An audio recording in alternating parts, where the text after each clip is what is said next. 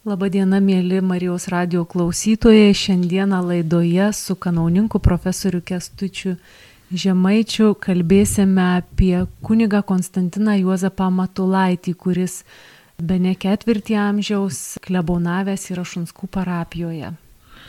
Sveikinuosi su Marijos radio klausytojais ir su miela gerbiama Eglė Lenskaitė, kuri kartu su manimi dalyvauja šioje laidoje. Mes taip jau sutarėm, kad abu kalbėsime, nes abu pažinojome kunigą Juozą Konstantiną Matulaitį. Aš praleidau prie jo vaikystę, jaunystę, studijų laikus seminarijoje, vėliau da, dar visą eilę metų kunigaudamas. Eglutė taip pat augo ir, ir matė jauna mergina gražų kunigo pavyzdį ir, ir, ir nekartą bendravo, todėl mes bandysime vienas kitą papildyti. Iš tikrųjų istorija vardina daug labai asmenų, nuveikusių reikšmingus darbus tiek mūsų valstybei, tautai, bažnyčiai. Neseniai šventėme valstybės vasario 16-osios šimtmetį ir, ir ten signatarus vardinom, po to vardinom ministrus, kurie tarpu karyje labai daug yra nuveikę įvairūs kiti valstybės, kultūros žmonės, na, bet lyg tai primiršta tokia tema, knygnešių tema, kuri kažkada buvo nepaprastai svarbi mūsų, mūsų kraštui, visai Lietuvai. Na, kalbant apie kunigą Juozą Konstantiną Matulaitį, aš galėčiau įvardinti, kad tai buvo 20-ojo amžiaus knygnešys. Ir, ir jeigu reiktų pavadinti šį mūsų pokalbį, tai sakyčiau, tai yra 20-ojo amžiaus knygnešio gyvenimas pateikiamas. Sovietų valdžia žinojo, kad reikia kovoti su bažnyčia, pirmiausia, uždraudžiant bet kokią, sunaikinant bet kokią ideologijos klaidą, bažnytinės ideologijos klaidą, tautinio samoningumo žadinimą, Na, kunigas Juozas Konstantinas Matulaitis buvo gimęs dar, na, taip vadinkime, carinės imperijos laikais 1912 metais, baigė gimnaziją, jis kilęs iš netičkampio kaimo, netoli Marijampolės, vėliau įstojo į, į Vilkaviškio kunigų seminariją, ją baigė 1900 35 metais buvo išventintas, tarp kitko ne, ne vyskupo Karoso, kuris tuo metu buvo išvykęs, bet arkivyskupo Karevičiaus gyvenusio Marijampolėje. Na ir kunigavo įvairiuose mūsų vyskupijos parapijose. Tačiau nuo pat savo jaunystės jis mėgo knygą ir gerai mokėdamas vokiečių kalbą skaitydavau vokiečių kalbos knygas. Na, šiaip tai jisai buvo žmogus, kuris derino savo laiką, na, tarsi dieną dalino į tokius etapus. Tai yra maldos laikas, darbo laikas, to intelektualinio darbo laikas, kada jisai skaitė ir vertė knygas iš vokiečių kalbos, gana tokiomis e, sudėtingomis ir primityviomis sąlygomis. Tai yra kalkinis popierius, rašoma mašinėlė ir taip takšint po raidukę išverčia ne vieną ir ne dešimtį, bet virš penkių šimtų knygų, pradėdamas nuo seminarijos ir dalį knygų išleisdamas oficialiai spaustuvėje dar tarpu kario laikais. Darbų jam buvo begalė. Jau vaikystėje jisai išmoko dirbti, neleisti veltui laiką, kadangi gyveno kaime, reikėjo ir šieną pjauti, ir grėpti, ir malką skaldyti, prižiūrėti gyvulius. Ir štai religinga šeima pratino vaiką taip pat lankyti bažnyčią, mylėti maldą, taip pat skatino tėveliai galvoti apie pašaukimą, todėl, na, Juozukas ir pasuka po gimnazijos į Vilkaviškio kunigų seminariją. Ir čia formuojasi jo kaip kunigo tipas - tylaus, maldingo, kuklaus ir darbštaus. Turbūt tuos reikėtų dalykus pabrėžti. Baigęs kunigų seminariją jisai dirba įvairiuose Šakių rajono parapijose, Lasdyjuose vikaru, čia pradedami suiminėti kunigai, na, okupacijų, pirmosios sovietinės okupacijos metais. Na ir, ir jis vėliau perkeliamas, karo metais perkeliamas į Šakius, Šakių vikaru, kur kartu darbuojasi su kunigu Vincu Bartuška iš Šunskų parapijos kilusiu. Na ir galiausiai keliamas į Liudvinavą, kur vėliau tampa klebonu ir čia praleidžia gana ilgus e, metus ir tada ir vienas kunigaudamas, ir turėdamas pagalbininkus, gana sunku buvo rūpintis bažnyčia, nes e, remontus daryti buvo praktiškai negalima, trūko medžiagų, niekas neduodavo leidimų bažnyčių remontam, tačiau, na, kunigas Matulaitis rasdavo, kur laiką praleisti, tai būtent didelį laiko dalį prie knygų. Jam teko išgyventi kunigystės pradžioje ne tik tai gražų tarpukario Lietuvos laikotarpio penkmetį, bet, kaip sakiau, ir, ir tą pirmąjį okupacijų laikotarpį, kada Bodovonės miške buvo nukankinti trys kunigai, kai visą viskupiją tiesiog sukrėtė žiauriausios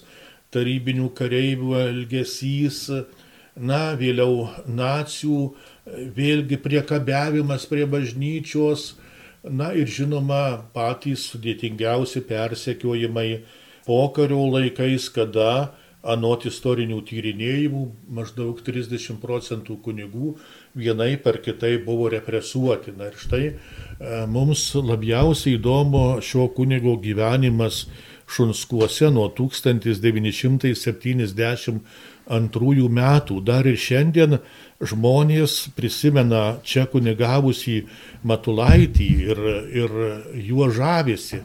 Dabar vėlgi tiesiog norėčiau padaryti tokią tarsi per traukėlę ir paaiškinti klausytojui, kodėl mes apie šį kunigą kalbame. Iš tikrųjų galima būtų parengti laidą apie bet kurį kunigą ir rastume labai daug įdomių dalykų. Na, pirmas dalykas, kad jisai tikrai tokio idealaus kunigo asketo pavyzdys ir nepaprastai unikalus dalykas tai yra jis kaip knygų vertėjas. Kartais mes kalbame ir su studentais ir toks klausimas, keliamas. Kiek žmogus gali per gyvenimą perskaityti knygų? Na ir e, jeigu skaitytume per mėnesį bent vieną knygą, tai būtų nemažai, tai per metus 12 ir per gyvenimą kiek.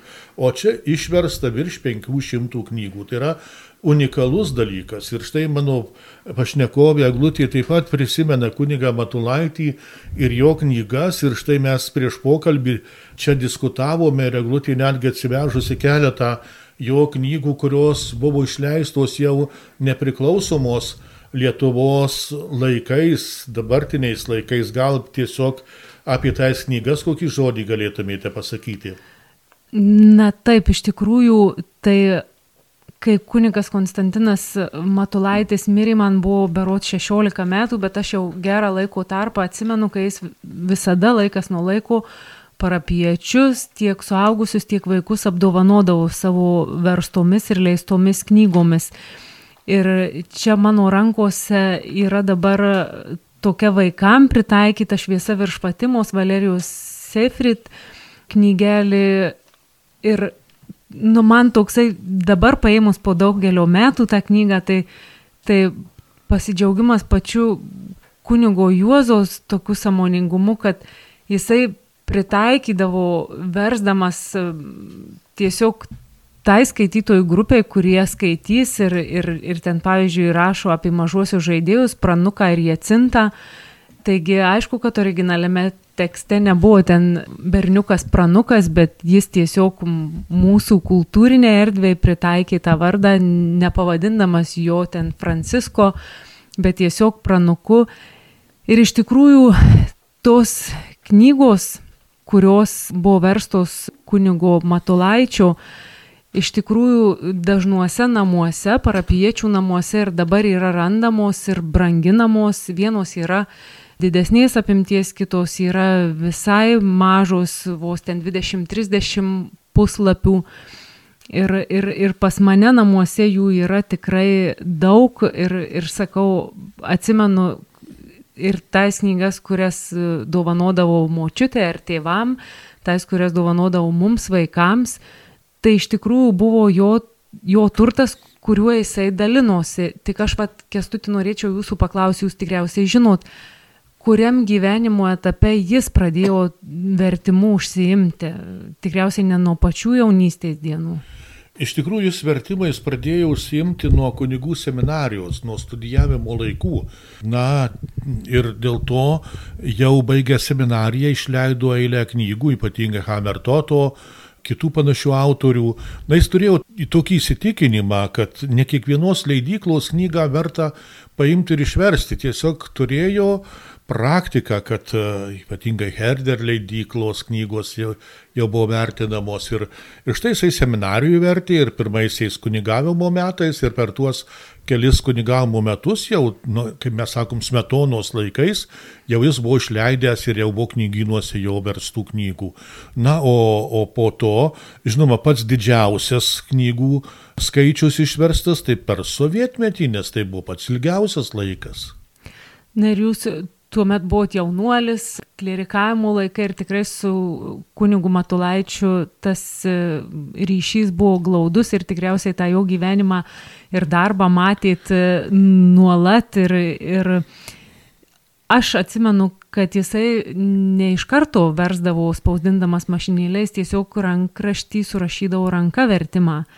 Ir žinau, kad buvę tokių atvejų, kai jis turėjau tai vieną, tai kitą žmogų, kuriam patikėdavau savo spausdinimo mašinėlę ir iš to rankraščio perspausdindavau įspausdintą mašinėlę variantą. Tai kestuti gal apie tą jo rankraštį, kad jis irgi nebuvo toks eilinio rašto, ten reikėjo irgi suprasti, nes jis savotiškai rašė ranką. Na, jo raštas yra gražus, bet sunkiai įskaitomas, taip galima būtų pasakyti. Bet kiek prisimenu, tai jisai rašydavo, skaitydavo knygą, rašydavo mašinėlę, o paskui ranka taisydavo klaidas. Daug, daug tai būdavo. Ir gaudavosi iš karto kokie 6-7 egzemplioriai. Ir po to tiesiog po visų tų egzempliorių kiekvieną puslapį pertaiso, pataiso, kur kokia klaidelė, na ir, ir tada duoda dar keliem žmonėm, kad jie perrašytų, tai galima būtų paskaičiuoti, jeigu na, sakykime, šešis egzempliorius jisai atspausdina ir paskui dar duoda kokiem dviem žmonėm, tai jau, jau 18 egzempliorių, padauginkim iš kokių 450, tiek maždaug išvertė per sovietmetį, tai turbūt yra įspūdingas skaičius ir kiekvienas dabar mus girdinti žmogus sakys, oho, kiek daug. Tai tikrai Turbūt, kažina, ar buvo knygnešių, kurie šitie knygų iš prūsų būtų pargabenę ant savo pečių, va tais knygų draudimo, lietuviškos spaudos draudimo metais. Na, o, o jisai, jisai tikrai daug yra spausdinęs ir, ir net aš esu jo paprašytas perspausdinęs kelias knygeles, nes toras, žinau, viena tai apie šventąją dvasę buvo knygelė ir kunigo Matulaičio dėka išmokau rašyti spausdinimo mašinėlę, paskui buvo nesunku ir kompiuterį išmokti, nes, žinot, jisai davė savo spausdinimo mašinėlę, davė knygutę ir, ir, ir kalkinio popieriaus ir sako, dabar perrašyk.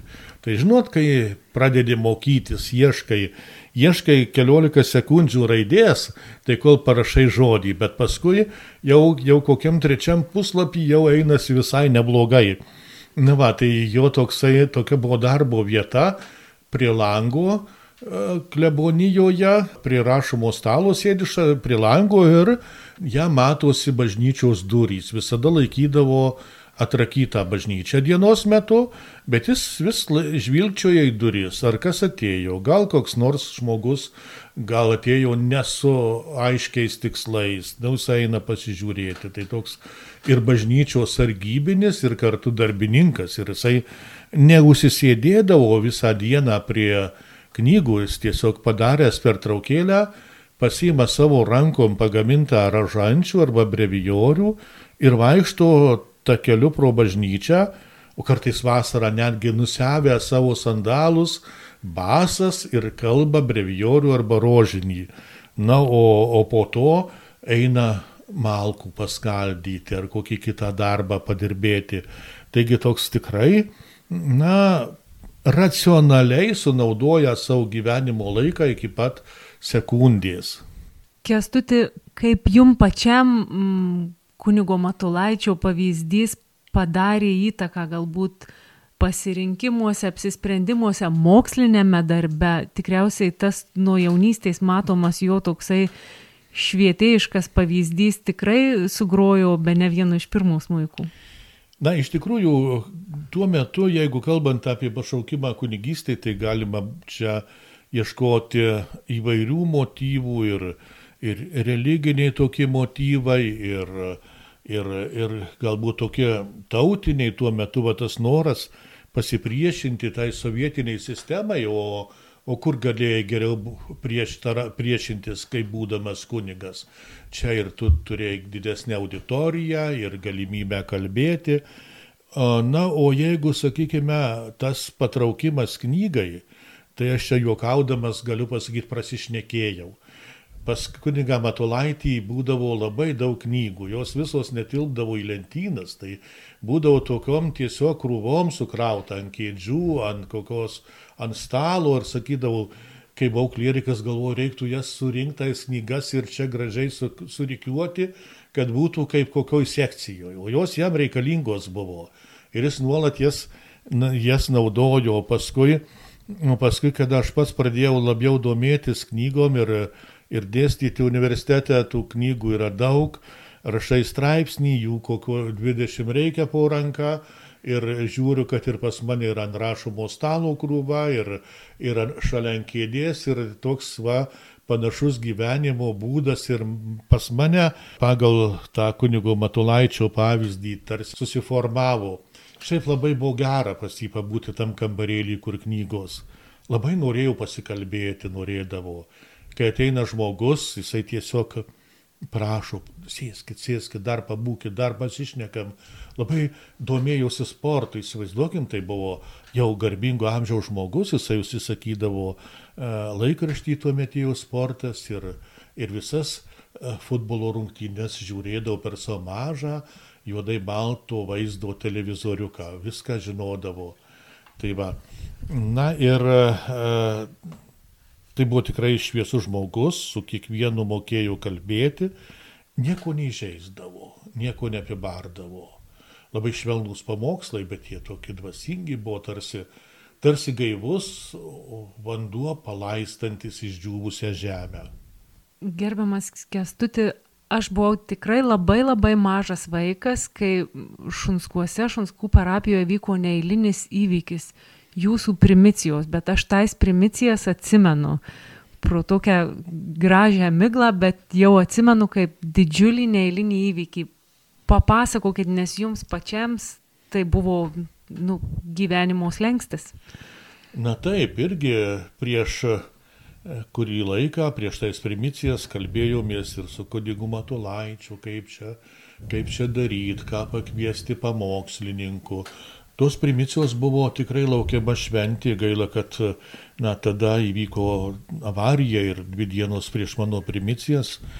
Į avariją pateko mano mama, kuri negalėjo dalyvauti primicijos ir aš tiesiog tuo metu per šventinius pietus ne tiek galėjau džiaugtis, kiek bijojau išgirsti skambutį iš ligoninės, kad gal kas nors blogai.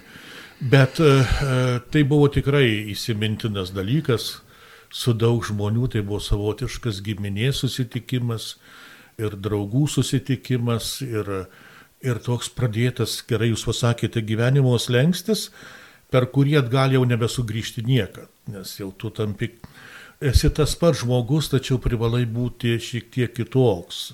Iš, nes iš, to, iš tavęs to reikalauja ypatingai tie žodžiai, kuriuos viskupas tarė per šventimus. Va, tikėk, ką skelbsi, jau ką skelbsi, tuo gyvenk.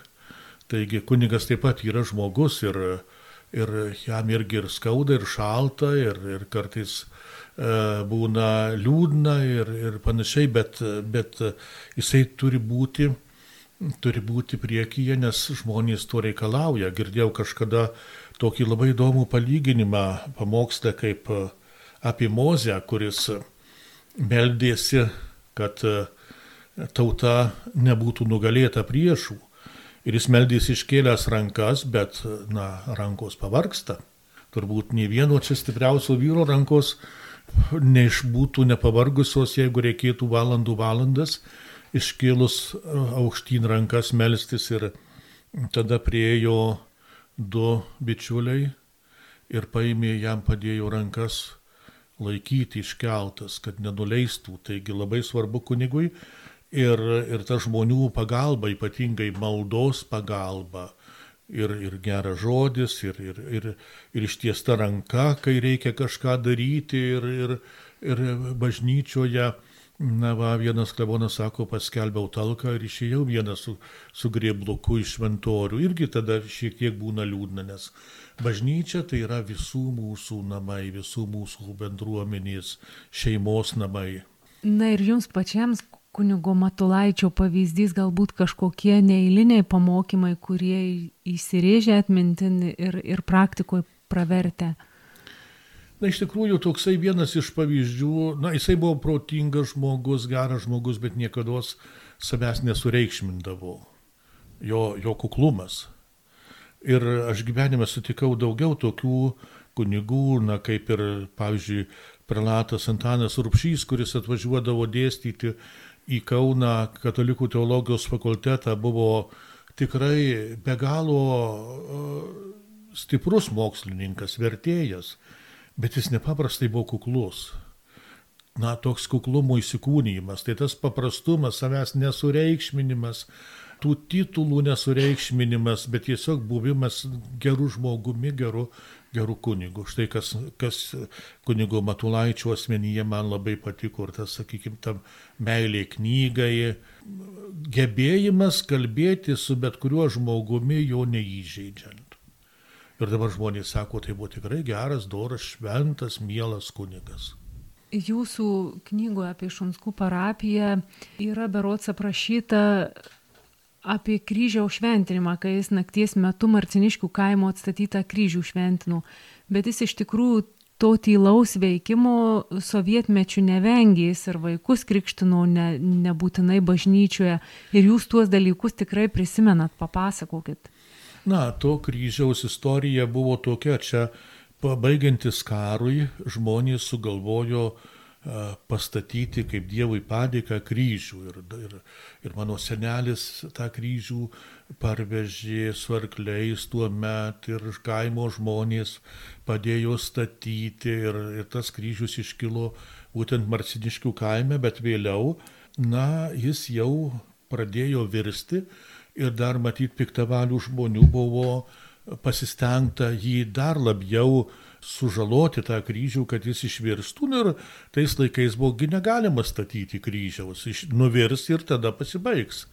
Na nu, ir tada mes gavome, mūsų šeimoje gavome medį ir, ir čia garaže žmogus padarė lygiai tokį pat kryžių ir nudažėm pilkai, kad būtų atrodytų toks kaip senas, dar mama paėmusi E, tiesiog sauso cemento ant šlapių dažų pabarstė, atrodo kaip samanotas tas kryžius. Vienas žmogus išpjovė tokius griovelius ir, ir sukalė tokį, tokią vielą storą ir ten užpakliavo, nu kad jeigu pjaunant, tai nenupjaus.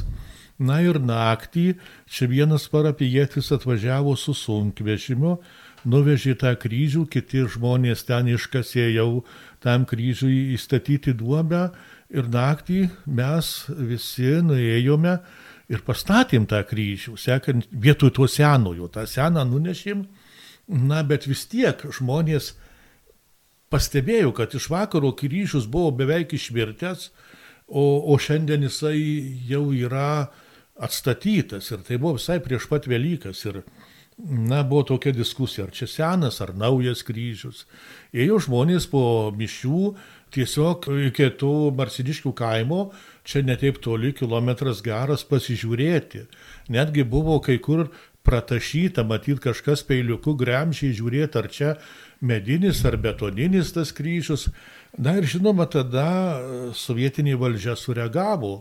Bet vėlgi reikia pasidžiaugti, kad tuo metu, na, mūsų čia vietiniai pareigūnai, nei, nei kolūkio pirmininkas, nei pavaduotojas, nei apylinkės pirmininkas, nei vienas nesijėmė iniciatyvos, nors buvo, liep, liep, buvo liepta jiem, nesėmė iniciatyvos ir tą kryžių nenuvertė. Taip ir jisai įstovėjo iki nepriklausomybės laikų, dabar vėlgi jau reikėjo jį atnaujinti ir jau dabar toj vietoj stovi trečias kryžius, bet šitas trečias buvo legaliai, viešai pastatytas, pašventintas, o kunigas Matulaitis tada kai pasakėm, kad jau naktį pastatytas naujas kryžius, tai jisai pats turbūt, nepamenu, ar, ar, ar kažkas jį atvežė kokiu metu, ar jisai pats tamsiai atėjo ir pašventino. Taigi jisai dalyvavo irgi va šitų. Nes ir vien tik tai tas knygų rašymas ir platinimas, tai jau buvo, buvo labai rimta veikla ir, na, galima sakyti, kad už tokią veiklą jisai būtų galėjęs gauti tikrai kalėjimo bausmę, nes tai tuo metu, jie, žinoma, tai religinė literatūra, ne, ne, ne kronika, ne, ne, ne panašus leidiniai, bet vis tiek tai yra nelegali literatūra religinė ir tai būtų buvusi baudžiamoji atsakomybė, taigi savotiškai jisai rizikavo savo laisvę. Ar galima taip sakyti, kad jo tas taikus, ramus būdas e, nekliuvo ir sovietiniai valdžiai, sovietiniams veikėjams ir, ir tokiu būdu nebuvo to didelio nukentėjimo būtent ir, ir su knygų platinimu? Na, matot, e, įvairių e, veiklų, įvairių žmonių buvo. Na, mes dabar vat, dažnai kalbame, kadangi buvo minėjimai, kronikos 50-mečio minėjimai, Ir čia susiję tokie vardai kaip Sigitas Tamkevičius, dabartinis kardinolas, ir, ir kunigas Debskis, ir, ir kunigas Alfonsas Varinskas. Na ir jie, jie buvo tokie kovotojai. Va, bet reikėjo ir tų tylių darbo bitelių, nes negali, kaip yra vilyžių, reikite Vienos medų neša, kitos motinėlę saugoja ir, ir tos funkcijos visų be galo svarbios. Negali sakyti, kad šitos reikalingos, anos ne. Ir čia, vat, e, kiekvienas atliko savo paskirtį. Ir jeigu, sakykime, Tamkevičius, ten Svarinskas, Debskis, Kauneckas, jie buvo tokie, na, žinomi veikėjai, pamokslininkai, pogrindžio veikėjai, tai kunigas Matulaitis taip pat buvo pogrindžio vertėjas, knygų platintojas, tik jisai, na, taip viešai to neparodydavo.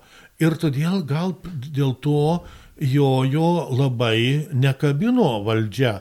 Taip kažkada e, pajavonyje kunigas Vincentas Jelinskas sako, kadangi Kybartuose yra kunigas Sigitas Tamkevičius, tai jis kaip žaibolaidis visa sovietų valdžios, visas greusmas eina į kybartus, o mes čia, sako, šalia šiek tiek laisviau galim tada dirbti. Tai taip ir čia, kadangi jis eina viešai per pamokslus, valdžios nekritikavo, stengiasi išsilaikyti tuose draudimų rėmuose, tai jis, jis ir vaiką pamokino pirmos komunijos, ir, ir knygą išvertė, padalino žmonėm, ir į atlaidus važiavo, ir, ir atliko viską, tik tai viską darė tyliai, na ir, ir dėl to valdžia jam leido šiek tiek ramiau gyventi. Aš žinau, kad buvę tokių atvejų tikrai ne vienas, kai e, kunigas Matulaitis keliaudavo į namus pakrikštyti vaikus, susitarę su tėvais, bet jis vykdė ir praktiką klebonijoje krikštydavo, gal jūs žino tuos motyvus, kodėl taip pat buvo, nes ir Zakristijoje, ne tik bažnyčioje ir klebonijoje, ar tai dėl šalto sezono, kaip ten būdavo tuo metu?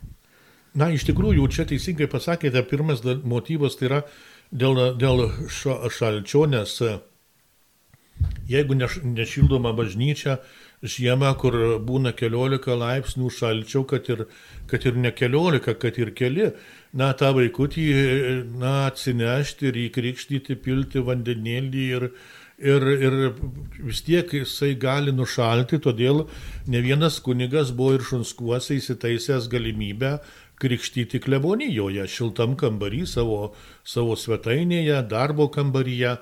Na, o iš kitos pusės, taigi buvo tas sovietmetis, ne visi norėjo viešai. Tai vienas gal mažiau bijojo, tai Zokristijoje pakrikštijo, kitas labiau bijojo, tai klebonijoje kitas dar labiau, tai važiavo į kilintą parapiją, tai čia įvairių motyvų galėjo būti, nuo tokių praktiškų dalykų, šalčio, šilumos iki, iki tokių, sakykime, saugumo sumetimų, nes dažnai žmonės netgi prašydavo kunigo, kad neįrašykite į parapijos knygas. Nes jeigu valdžia patikrintų, na tai prašau, jeigu čia atvažiavęs koks kolūkio pirmininkas ar, ar gamyklos direktorius ar, ar koks gydytojas krikštie savo vaikus, na tai jį gali po to pradėti judinti, išeiti iš darbo.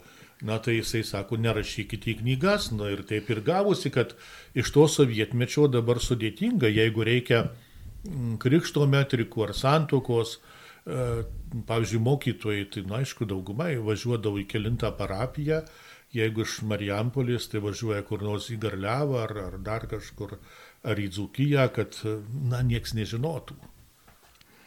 Sukalbėjom apie krikštinimą šaltuoju sezonu, tai man kažkaip norėtųsi dar paliesti tą temą, kad uh, kunigas Matulaitis nemėgo labai šiltai rengtis ir šiltų apavų, tai gal kestuti va, tą paveikslą mes galėtume nupiešti ir dabar kaip kunigas Konstantinas iškeliaudavo netgi autobusu per šalčius į miestą. Na, iš tikrųjų, vieną kartą aš mieste jį pasitikau, iš tolo tai mačiau, žiūriu, šalta, jau, jau ledukas ant žemės, na, klebonas eina su šaliku, bet valgo ledus. Nes dabar ledai yra e, kiekvienoje kolonėlėje, kiekvienoje parduotuvėlėje ir kioske. Tuo metu, na, dabartinis jaunimas neįsivaizduoja, kad jeigu į parduotuvę kaime atvežė ledų, tai buvo įvykis, tai buvo visos vasaros įvykis, nes ledų atvežė nebuvo. Taigi, o kunigas Matulaitis jis e, labai E, nekreipė dėmesio į tokią, sakykime, būtį. Jis galėjo, jeigu reikia greitai nueiti į bažnyčią, tai jis galėjo žiemą apsiauti sandalais ir, ir, ir nueiti, o vasarą su rudeniniais batais išeiti ir lydėti žmogų į, į kapus. Taigi žmogus, kuris e, daugiau dėmesio skyrė tam dvasiniam, dvasiniam, intelektualiniam dalykam ir apie tokius žmonės, mąstytojus, dažnai yra girdima, kad tas toksai, e, nu, nekreipimas dėmesio į savo būtį, ne visada toksai pedantiškas važiūrėjimas, kaip aš čia atrodau. Tai Metulaitis irgi jam, jis galėjo būti ir, ir su adytom koinėm, ir su lopytu e, švarkeliu, ir, ir jam tai buvo, buvo ne, ne pats svarbiausias dalykas toksai tai jis toksai ir prisimenamas, na, panašiai kaip, e, kaip na, koksai vargingas Arso klebonas, tik tai Arso klebonas kitaip reiškėsi, vienaip, šitas kitaip savo parapijoje. Ar šiuo laiku, šiame amžiuje galima rasti, sutikti analogų, kurie primintų mums kuniga Konstantiną Juozą Matulaitį? Na, gal kažkiek ir galima, bet matote, vėlgi praėjo gana nemažai laiko ir jau yra kiti poreikiai, kiti reikalavimai. Ir tam pačiam kunigui jo, jo bendrystė su įvairiom socialinėm organizacijom, su valdžios žmonėm ir, ir to kunigo na, jau privalomas toks didesnis išėjimas iš klebonijos, na, galbūt reikalautų uh, skirti, sakykime, kad ir tom knygom mažiau laiko, daugiau, daugiau jau, jau šiandien matome kunigą sėdintį prie kompiuterių, dėliojantį, rašantį skelbimus kompiuteriu, remontus visai kitaip organizuojantį, projektus rašantį, taigi jau būtų šiek tiek kitoks gyvenimas, bet, bet tokių, sakykime, dvasinių požiūrių tikrai galima rasti labai daug, labai daug tokių pamaldžių kunigų. Kažkada tai kunigas prelatas Bartuškas sako, ateinu į bažnyčią, sako, beveik visada ateidavau pirmas. Sako, ateinu jau kažkas yra, sako, žiūriu, dar bažnyčios šviesos e, neuždegtos, o prie altoriaus klūpo mūsų kunigėlis ir meldžiasi.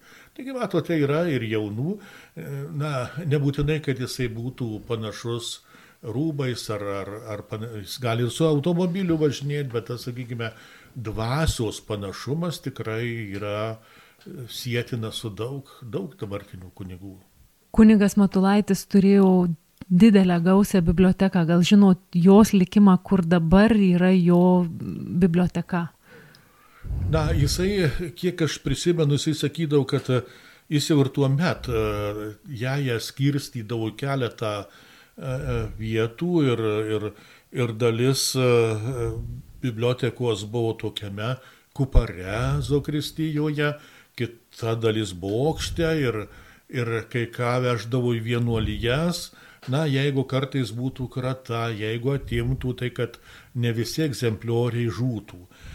Na, aš manau, kad tikrai didelė dalis yra galbūt viskupijos kūrijos žinioje, bet ir senojoje klebonijoje taip pat yra jojo rankraščių, tiksliau mašinraščių daug ir, ir tos tiesiog tokia viena, viena kambario siena, na tiesiog tarsi puošia visą pastato vidų e, sudėta jojo, jojo knygos, ten tikrai ne dešimtys, bet šimtai knygų. Tai va tiesiog galima būtų jas patyrinėti ir tas temas, kurias vertė, kokios temos įdomino. Na, Matulaitis vertė ne vien tik tai tokias jau grinai religinės knygas, bet ir romanus gražius išversdavo, grožinės literatūros knygas, tai jis o toks universalus vertėjas. Kelintais metais, kada mes netekome kunigo Matulaičio ir kurisai palaidotas? Kunigas Matulaitis mirė 2000 metais, irgi jo tas iškeliavimas buvo pas Dievą po šventųjų mišių, čia mišios buvo aukojamos gretimame kaime, ten buvo klebonas įrengęs koplytėlę ir jie su klebonu laikė mišes ir, ir buvo, buvo karšta, insultas, jį paguldė į ligoninę ir keletą dienų te pagulėjo ligoninėje, mirė, buvo labai gražiai palaidotas Šunskų bažnyčio šventoriuje šalia kitų dviejų anksčiau čia klebonavusių kunigų, tai būtent e, Juozo Valiukevičiaus ir Vincento Ambraziejaus dabar trys kapeliai tokių iškilių šventų žmonių buvusių šunskų klebonų. Ačiū. Šiandien laidoje apie kunigą Juozą Konstantiną Matulaitį kalbėjo kanauninkas profesorius Kestutis Žemaitis ir Eglė Lenskaitė.